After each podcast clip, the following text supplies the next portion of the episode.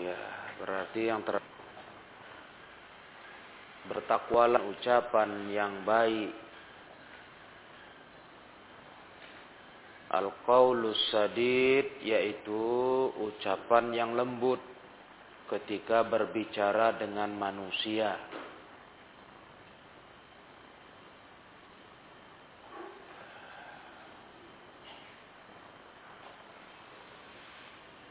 Yang isinya ucapan itu nasihat, bimbingan kepada jalan yang lebih baik.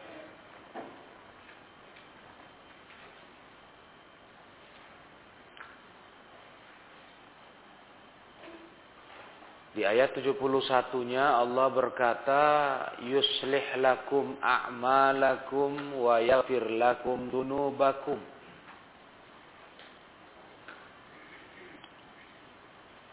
Wa may yuti'illah wa rasulahu 'azima. Apa hasil daripada perintah bertakwa dan berucap dengan ucapan yang sadid? Hasilnya apa? Yuslih lakum a'malakum.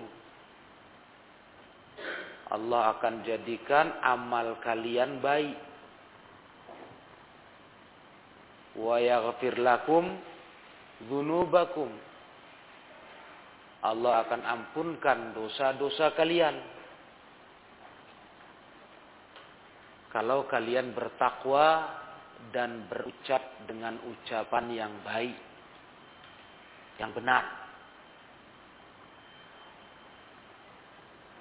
Barang siapa yang, yang yang taat kepada Allah dan Rasulnya, sungguh dia telah menang dengan kemenangan yang besar. Wa wa rasulah faqad faza fauzan.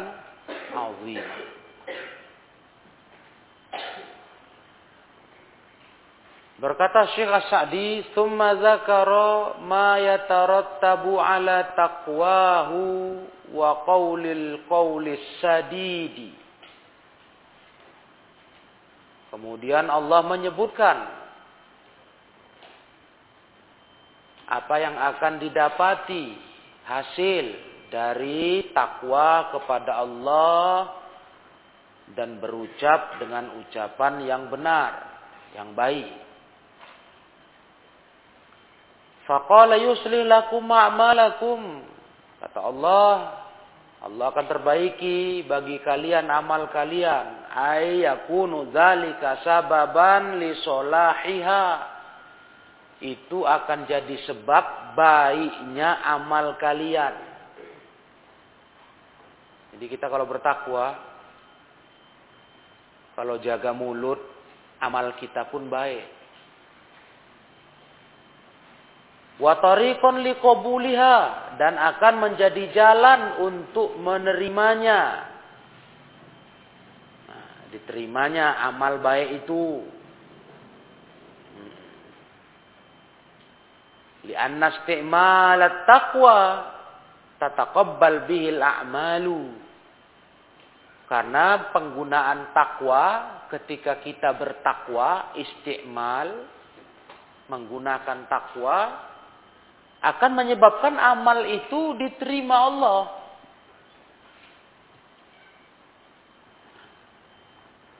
Kama qala ta'ala sebagaimana Allah berfirman, "Innama yataqabbalullahu minal muttaqin." Hanya saja Allah menerima amalan dari orang bertakwa. Itu salah satu daripada keuntungan bertakwa. Amalan kita diterima Allah. Kemudian wa yuwaffaq fihi al-insanu lil amali salih dan seorang hamba akan dibimbing untuk mau beramal saleh. Enak badan ini dibawa beramal baik, amal saleh. Enggak berat, enggak payah. Itu kalau kita bertakwa, jaga mulut, jaga bicara. Badan kita jadi mudah beramal soleh. Wa yuslihullahu amal aidan. Dan Allah perbaiki juga amal itu bihifziha dengan cara Allah jaga amal itu. Amma yufsiduha. Dari apa-apa yang bisa merusaknya. Merusak amalan seperti ria sum'ah dijaga Allah. Wa hifzi sawabiha wa mudha'afati. Dan dijaga Allah pula pahala kita pahala amalan itu dan mudha'afah. Allah akan lipat gandakan pahalanya. Nah. jadi istilahnya begini dia. Orang kalau berusaha baik dia dimudahkan ke jalan baik orang berusaha bertakwa dia dimudahkan beramal soleh. Itu dia. Nah, seperti bahasa ilmu takdir. Ikmalu fakullun muyassarun lima khuliqalahu. Beramal kalian. Setiap orang dimudahkan ke arah mana dia ditakdirkan. Khuliqalahu. Dia diciptakan. Jadi intinya ini dia intinya. Kalau kalian mau baik, mau mudah jadi orang baik, berusaha dulu. Untuk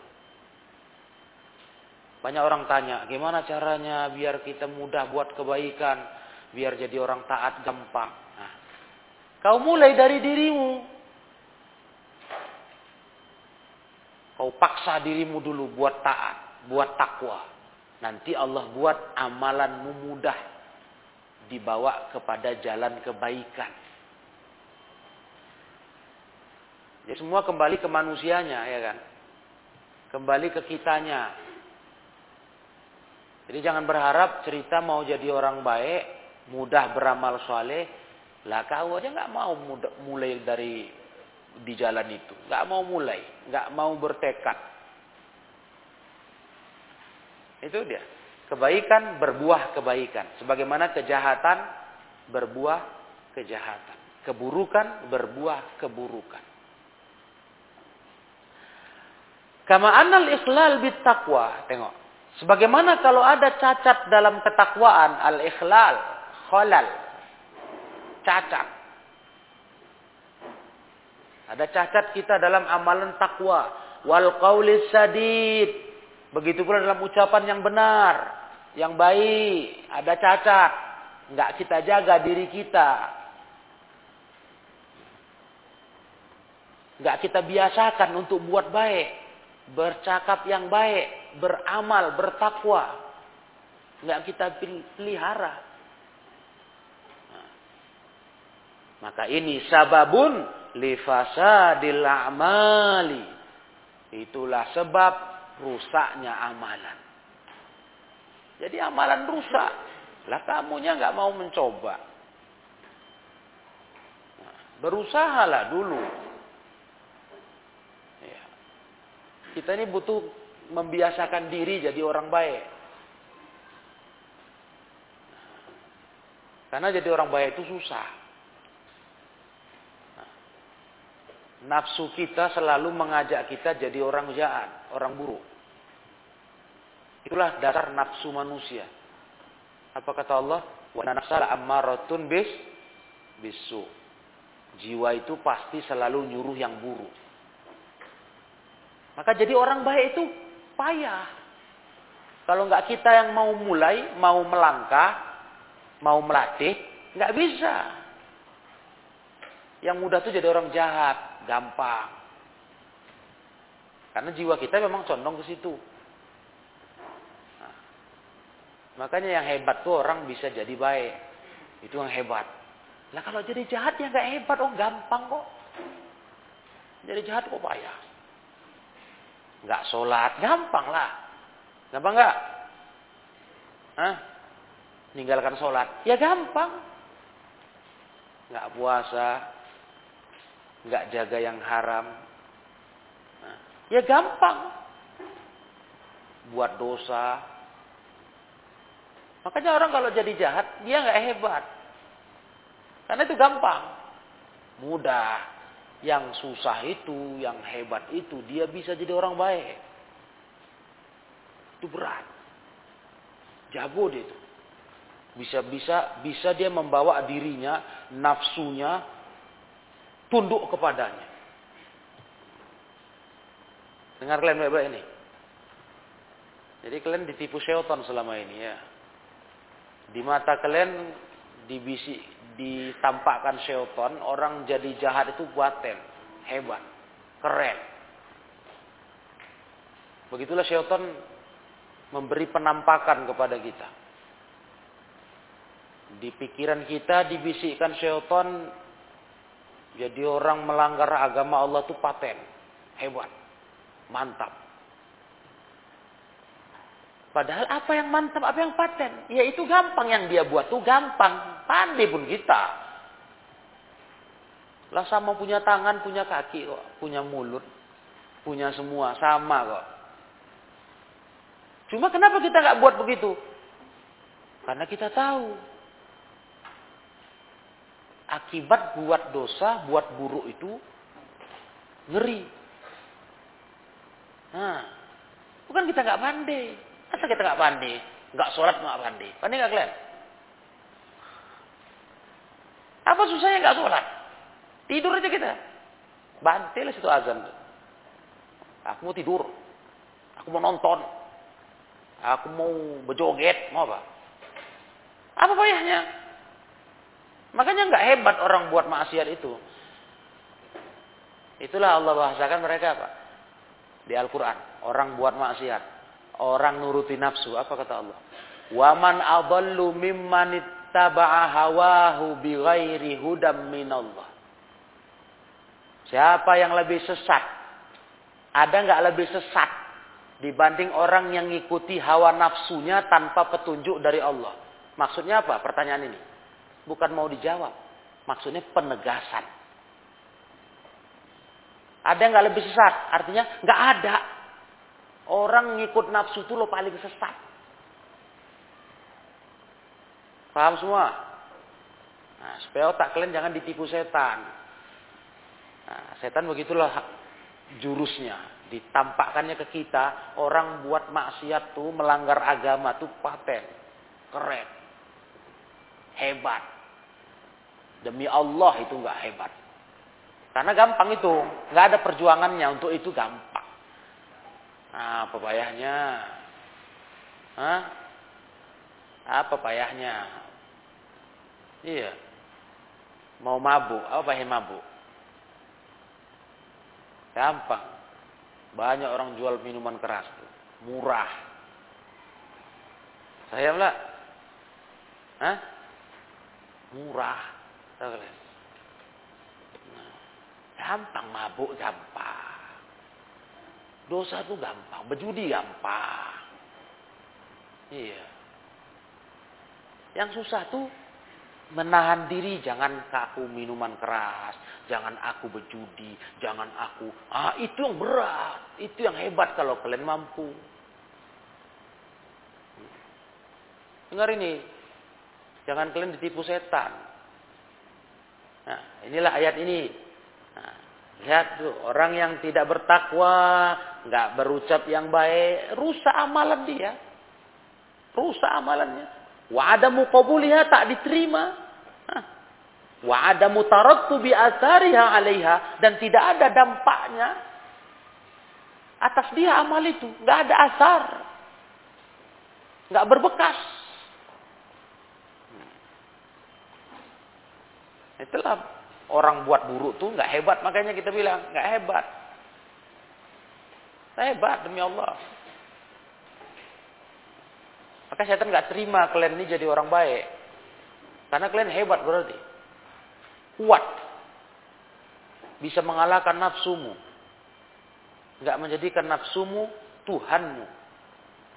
Ya, ittakhadha ilahahu hawahu. Orang yang paling sesat itu orang yang mengambil hawa nafsunya jadi Tuhannya. Itu yang hebat. Makanya kalianlah yang hebat.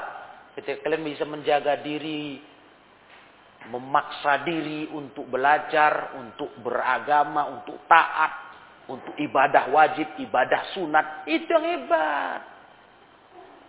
Itu yang jago. Kuat, kuat namanya.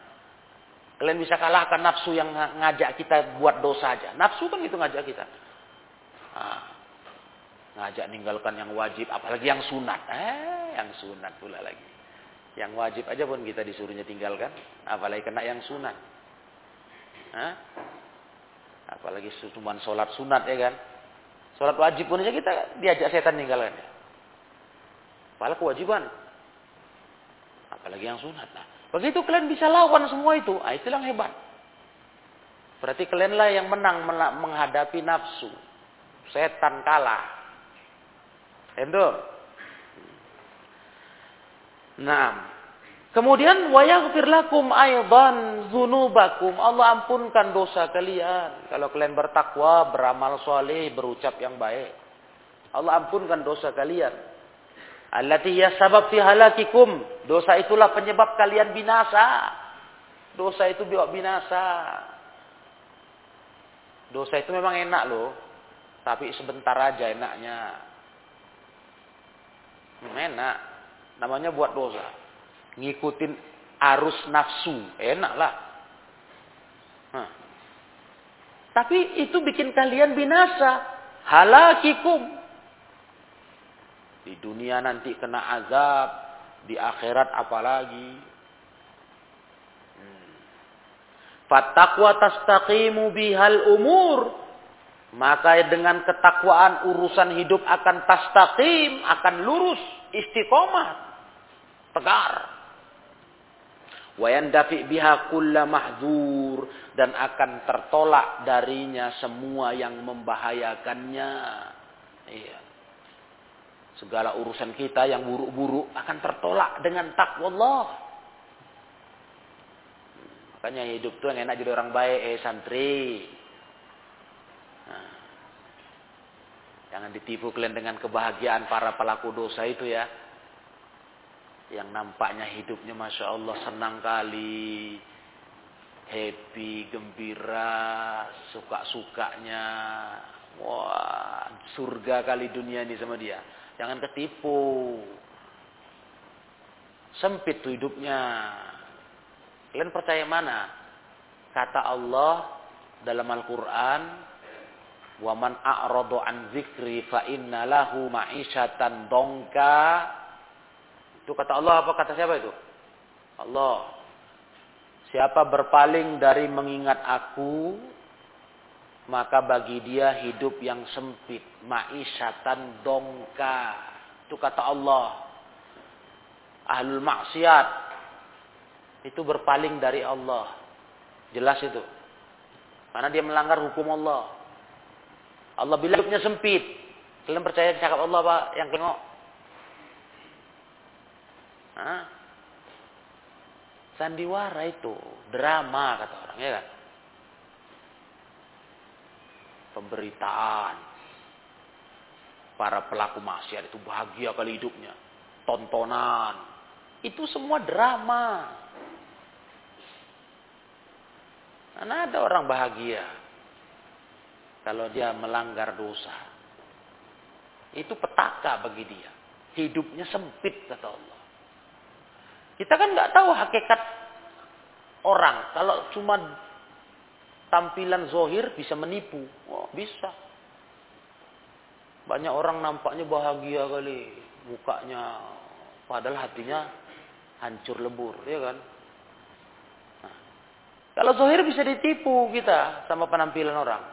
Apalagi dia udah didandanin. Udah memang siap tampil mau happy-happy. Ketawa-ketawa. Wah senang kali dia. Tapi yang tahu isi hati siapa? Allah lah. Macam mana sesenang hidup dia. Beragam macam masalah dia. Mana tahu kita? Taunya Allah. Yang apa ada dalam hati rahasia dia. Allah yang tahu. Dan Allah yang bilang orang-orang begitu fa innalahu ma'isyatan dongka hidupnya sempit hidupnya tak enak itu makanya gak usah terkejut kalian atau ada berkabar fulan, fulana mati bunuh diri. Uh, tapi kemarin paten kali ya, kayak happy kali dia. Kemarin nampaknya dia bahagia kali di dunia ini.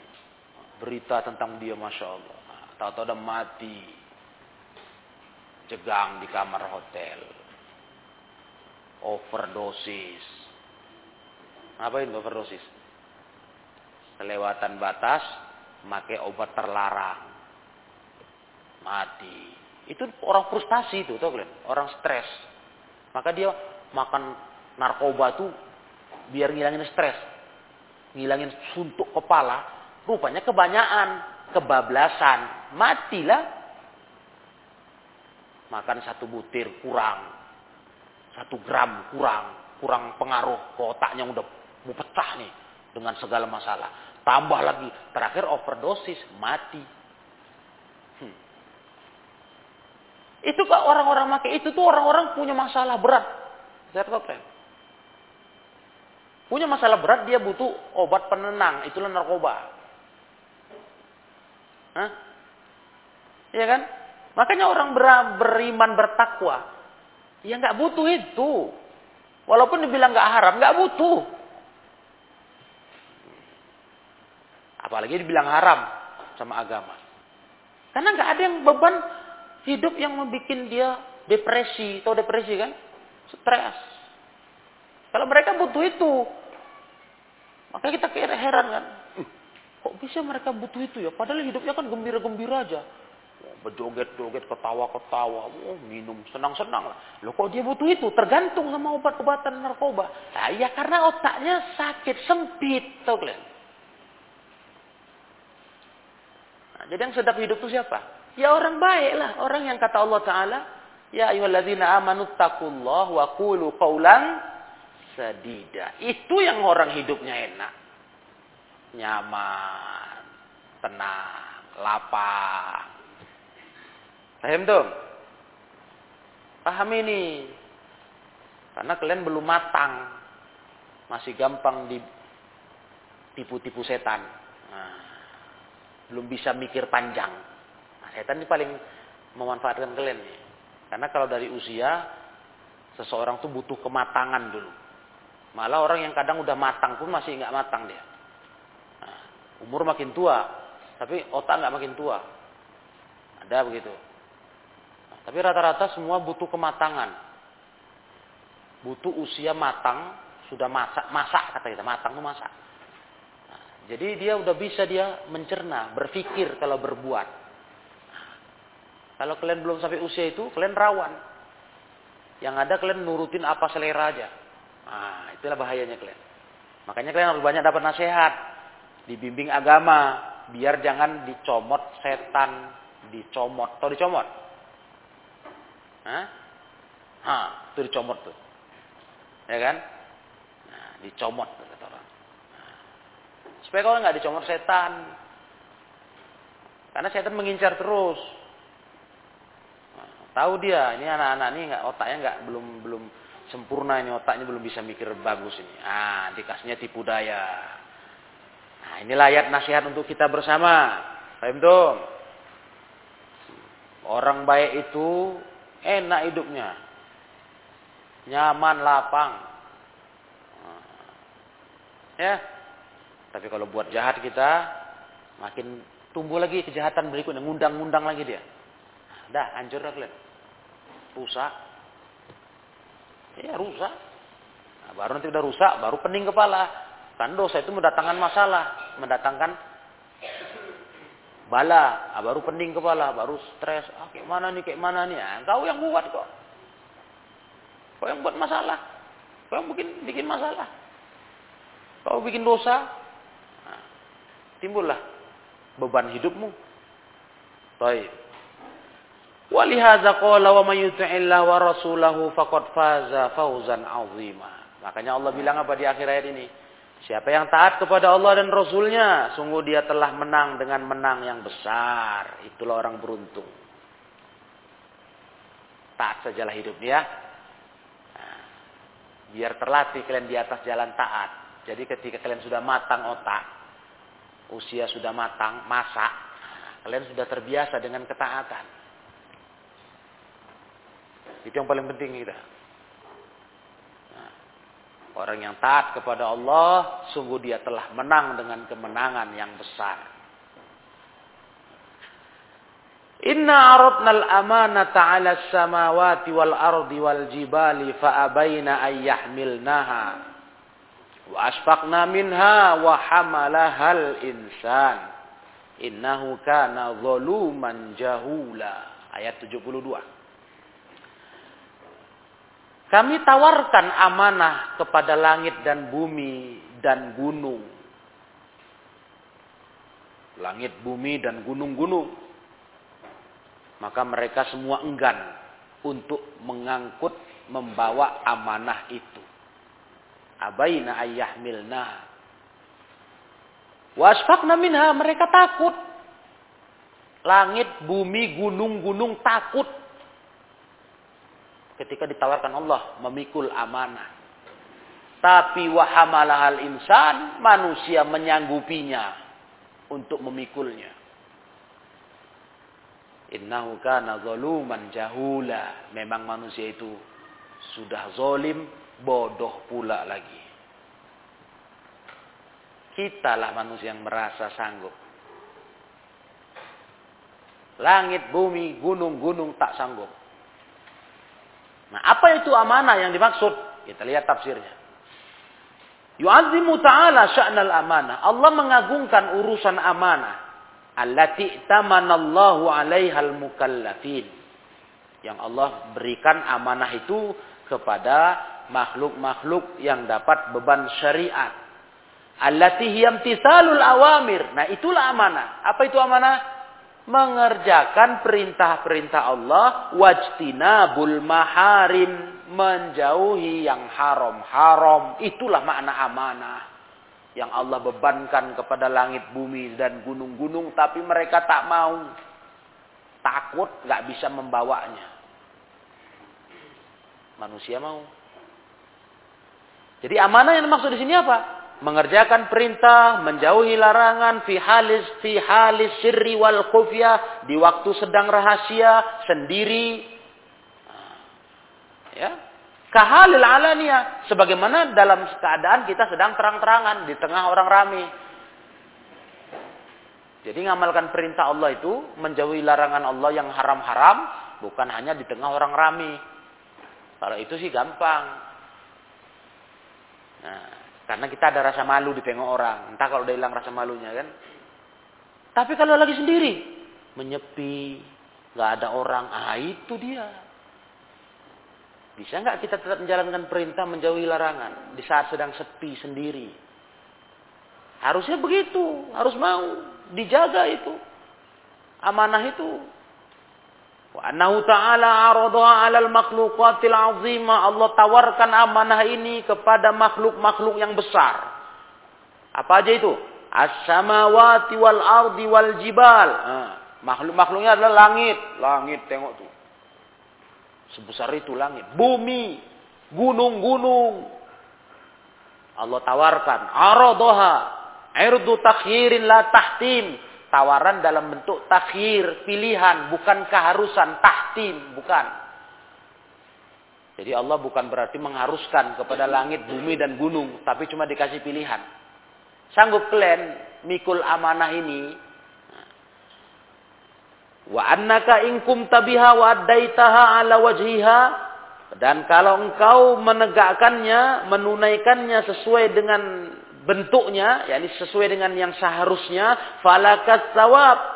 Nah, falakis sawab. Ya, jadi domir muannas ini berarti dari awal. Wa annaki inkum inkum tibiha wa addaitiha ala wajhiha falakis sawab. Nah, gitu. Mu'annas semua itu kan. Samawat, ard, jiwal. Jadi domirnya pun domir mu'annas. Kalau engkau menegakkannya, kau tunaikan sesuai dengan haknya, maka kau dapat pahala. Itulah Allah tawarkan kepada langit, bumi, dan gunung. Wa ilam takumi biha. Nah, itu lihat. Domirnya mu'annas kan? Takumi. Nah.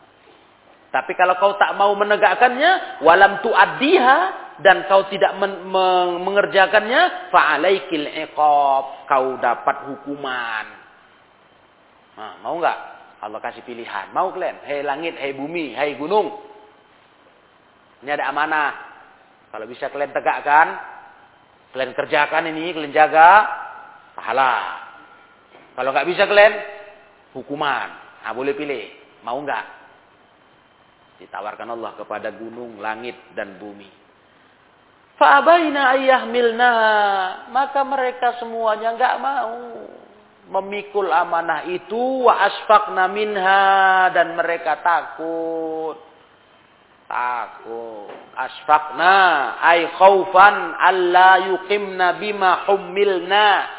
Mereka takut nggak bisa menegakkan apa yang dibebankan ke mereka. Takut langit, bumi, gunung takut untuk menanggung amanah yang isinya mengerjakan perintah Allah menjauhi larangan. Takut. Berat kali rasa mereka itu nanggung itu. Nggak mau mereka, takut. Jadi mereka takut nggak mau menolaknya karena takut, nggak bisa menegakkan. La isyanan li rabbihin, bukan karena memaksiati Allah, bukan malah dianggap langit, bumi, gunung melawan Allah dikasih amanah nggak mau bukan gitu karena mereka dikasih pilihan bukan keharusan tapi pilihan mau kalian nah, dapat dapat pahala kalau bisa di, dibau dipikul itu kalau nggak mau kalau kalian nggak bisa memikulnya kalian berdosa ternyata langit bumi gunung nggak mau artinya nggak terima takut Takut nggak sanggup. Bukan karena melawan Allah, ya. Takut nggak sanggup. Wala dan fi tawabihi. Bukan karena mereka zuhud, nggak butuh pahala. Bukan itu. Nah, jadi kalau ditanya orang, kenapa langit, bumi, gunung menolak amanah? Bukan mereka melawan Allah, tapi takut nggak sanggup mikulnya. Karena itu berat dan ternyata wahamalaha wa wa'aradoha Allah alal insan ketika Allah tawarkan itu ke manusia ala zalika syartil mazkur sesuai syarat yang tadi disebutkan apa itu syaratnya kalau kalian tegakkan amanah itu kalian pahala kalau kalian abaikan kalian berdosa nah. faqabilaha wa hamalaha diterima manusia dipikul mereka amanah itu ma'azulmihi wajahlih bersamaan mereka suka buat zolim dan bodoh manusia itu berani-beraninya menanggung amanah amanah dalam arti tadi ya menjalankan perintah menjauhi larangan Wahamala hadzal himlat saqil. Ditanggung manusia beban berat ini. Al-himl. Al-himlu. Itu beban. Saqil berat. Dipikul manusia. Aduh. Padahal manusia tak sanggup. Walaupun ada yang sanggup juga sih. Cuman enggak. Lebih banyak yang enggak sanggup. Makanya itu. Fangkosaman nas Manusia terbagi bihasbi qiyamihim biha wa adami. Terbagi tergantung dengan sanggupnya mereka menegakkan amanah atau dengan atau tak sanggupnya terbagi ila salah satu aksam ketiga kelompok. Ya, manusia ini terbagi kepada tiga kelompok menyangkut masalah amanah ini, amanah Allah ini. Kelompok pertama munafikun, orang munafik. Bagaimana mereka? Azharu annahum qamu biha. Mereka menampakkan seakan-akan mereka menegakkan amanah itu. Hah? Zahiran secara zahir, tapi la batinan, tidak secara batin. Munafik kan tahu kan? Pura-pura baik, pura-pura taat. Zohirnya kayak orang baik, batinnya orang jahat, kafir. Kan itu munafik. Jadi intinya mereka sebenarnya nggak membawa, nggak memikul beban amanah ini. Itu kelompok pertama. Kelompok kedua wa musyrikun tarakuha zahiran wa batina. Yang kedua kelompok muna, uh, musyrikun yang meninggalkan amanah ini zohir batin mereka tinggalkan. Itulah kelompok orang kafir. Zohir batin mereka tinggalkan. Tak mau mereka pikul amanah ini. Itu kelompok kedua. Nah, berarti sama aja nih. Munafik, musyrik, kafir sama aja. Yang ketiga wa mu'minun. Nah ini dia. Kita maunya inilah kita. Orang beriman. Qaimuna biha zahiran wa batina. Tegakkanlah amanah itu. Pikul. Baik zahir maupun batin. Luar dalam. Jadi orang baik itu luar dalam, luar baik, dalam baik. Lagi di depan orang rame baik, lagi sendirian baik. Ngerti? Karena kita sudah mikul amanah dari Allah. Walaupun berat, berat lah. Kayak tadi di awal tadi pelajaran kita apa? Jadi orang baik itu berat nggak? Berat lah. Jangan main-main kalau jadi orang baik itu payah. Apalagi bertahan sampai mati. Ui, payah kali itu. Istiqomah. Banyak orang baik-baik sebentar. Habis itu rusak. Banyak itu. Mantan orang baik banyak. Punya nggak? Banyak. Karena berat baik itu. Hmm, berat. Hmm. Saking beratnya apa kata Nabi yang pernah kita belajar. Yang berpegang sama agama ini. Kalqabidi alal jamri. Permisalannya gimana? Kayak menggenggam bara api. Gimana? Genggam bara api gampang atau susah? Itu udah cukup sama otak kalian mikirkan ya. Berat ya jadi orang baik itu ya. Kata Nabi kayak genggam bara api. Iya lah. Macam mana bara api digenggam? Melentingnya sedikit api itu kan aku kita udah loncat kita. Palang kabur kita. Karena panas, terkejut ya kan. Ini digenggam. Wih. Berat. Makanya yang keren itu, sekali lagi dengar kalian. Akhwat tuh dengar. Yang keren tuh jadi laki-laki baik. Itu keren. Hebat itu. Jadi perempuan baik. Solih, solihah. Itu baru keren. Baru mantap. Baru jago. Kalau jadi laki-laki bejat. Nah, begajul bandal. Eh, itu gampang itu, murahan itu. Murah gitu. Kita bukan nggak pandai kayak orang itu. Pandai langsung nggak pandai. Kita punya tenaga sama. Anggota badan sama. Duit pun sama. Punya. Walaupun nggak sebanyak dia mungkin ya kan. Tapi punya kan? Ya lah. Kalau cuma pakai narkoba, gampang. Hah? Cuma buat dosa-dosa lain. Bisa lah apa payahnya. Tapi kita tak mau. Karena kita tahu ruginya. Tahu kita hukumannya. Nah, itu makanya hebat. Ini kata Allah nih. Amanah itu berat. Nah, yang kalian pikul ini berat. Amanah perintah Allah menjalankan perintah menjauhi larangan ijtinabul maharim imtisalul awamir menjauhi yang haram mengerjakan perintah itu berat. Jago kalian kalau sanggup. Hebat tur hebat tur namanya. Laki-laki hebat wanita hebat. Bisa taat dia sama Allah. Padahal itu berat. Melawan nafsu sendiri. Berat. Dengar ini semua santri. Kalian tuh orang hebat. Orang-orang yang nggak beragama tuh nggak ada hebatnya. Nah, makanya kalau di pandangan mereka kita ini, mereka geleng-geleng kepala. Kok bisa orang begitu ya? Hmm. Ya. Bingung mereka. Wis, aku nggak sanggup lagi itu. Nah. Cuma kita nggak pernah tahu langsung. Atau mungkin pernah tahu tapi nggak sering pujian itu. Nah. Tapi kalau kalian udah bergaul nanti, udah kalian dewasa, cari makan, bergaul sama banyak orang. Keluar situ, cakap orang tuh. Kok bisa kok gini ya? Aku tak kuat aku katanya. Ah, itu udah sering mulai mendengar. Biar tahu kalian. Hebat orang taat tuh. Bisa kok masuk azan. Kau data cari masjid, sholat kau, kau tinggalkan. Aku nggak bisa. Tengoklah, tahu dia hebat kita. Bisa kok ya. Karena yang haram-haram kita nggak mau. Kita nolak, kita buang badan. Dia heran. Wih, paling kan enak, sedap. Biar sadar kalian, supaya kalian sayang sama umur kalian, kesempatan kalian belajar nih. Karena kalian orang hebat. Hmm. Di mata mereka pun mereka ngaku itu. Kok bisa mereka tuh tertib kali gitu ya? Jaga waktu, jaga ibadah, nggak buat haram, bisa ya. Orang pening, nggak bisa kami nggak kalau nggak buat haram, pening.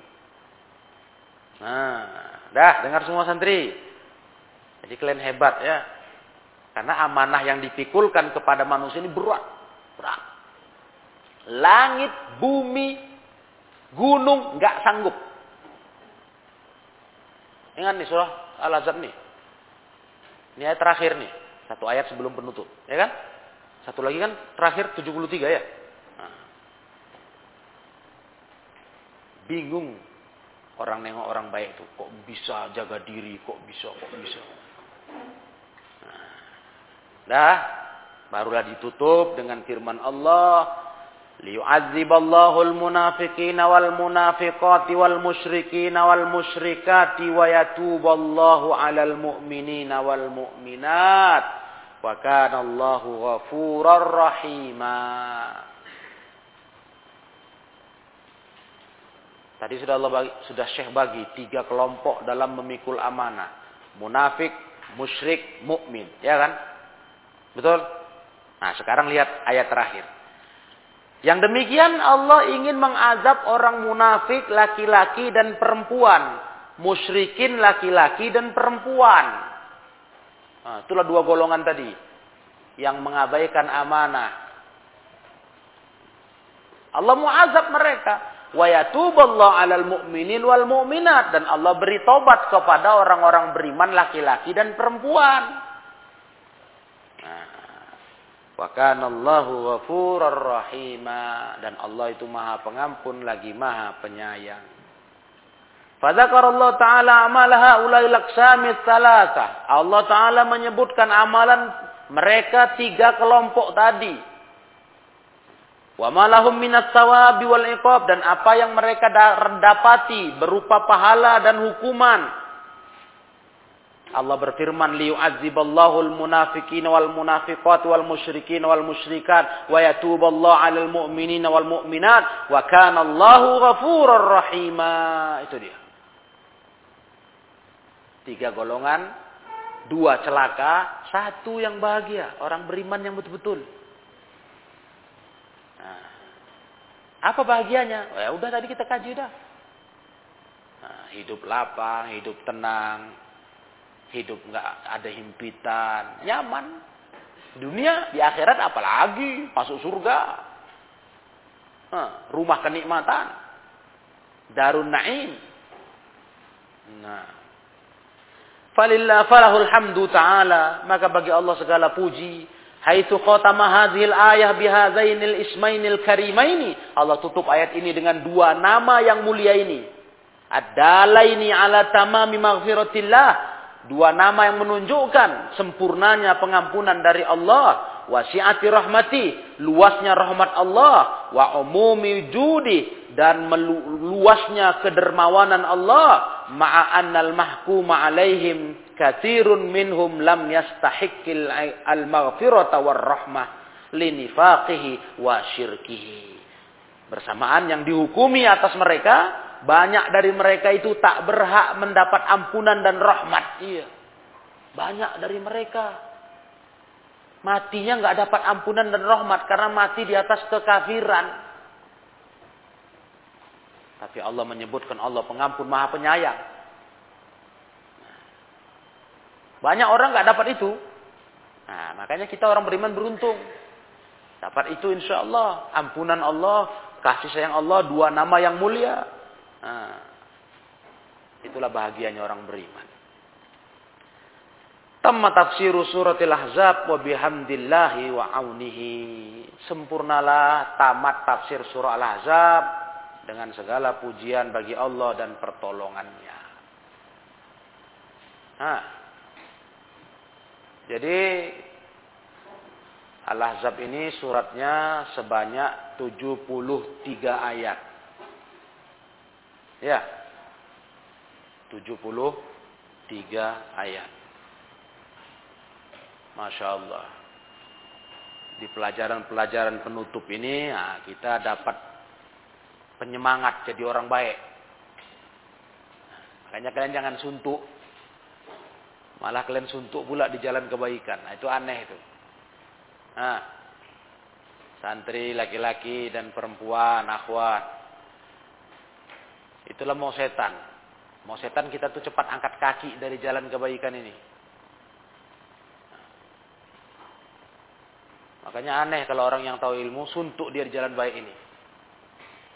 Nah, suntuk aku. Tak nyaman aku, tak tak betah aku. Ah. Kau udah udah ke kecomot setan kau berarti. Hah? Jiwamu, pikirmu sudah dikuasainya. Ya. Ya, ilahuna subhanakallahumma wa bihamdik asyhadu an la ilaha illa anta astaghfiruka wa atubu ilaik walhamdulillahi rabbil alamin.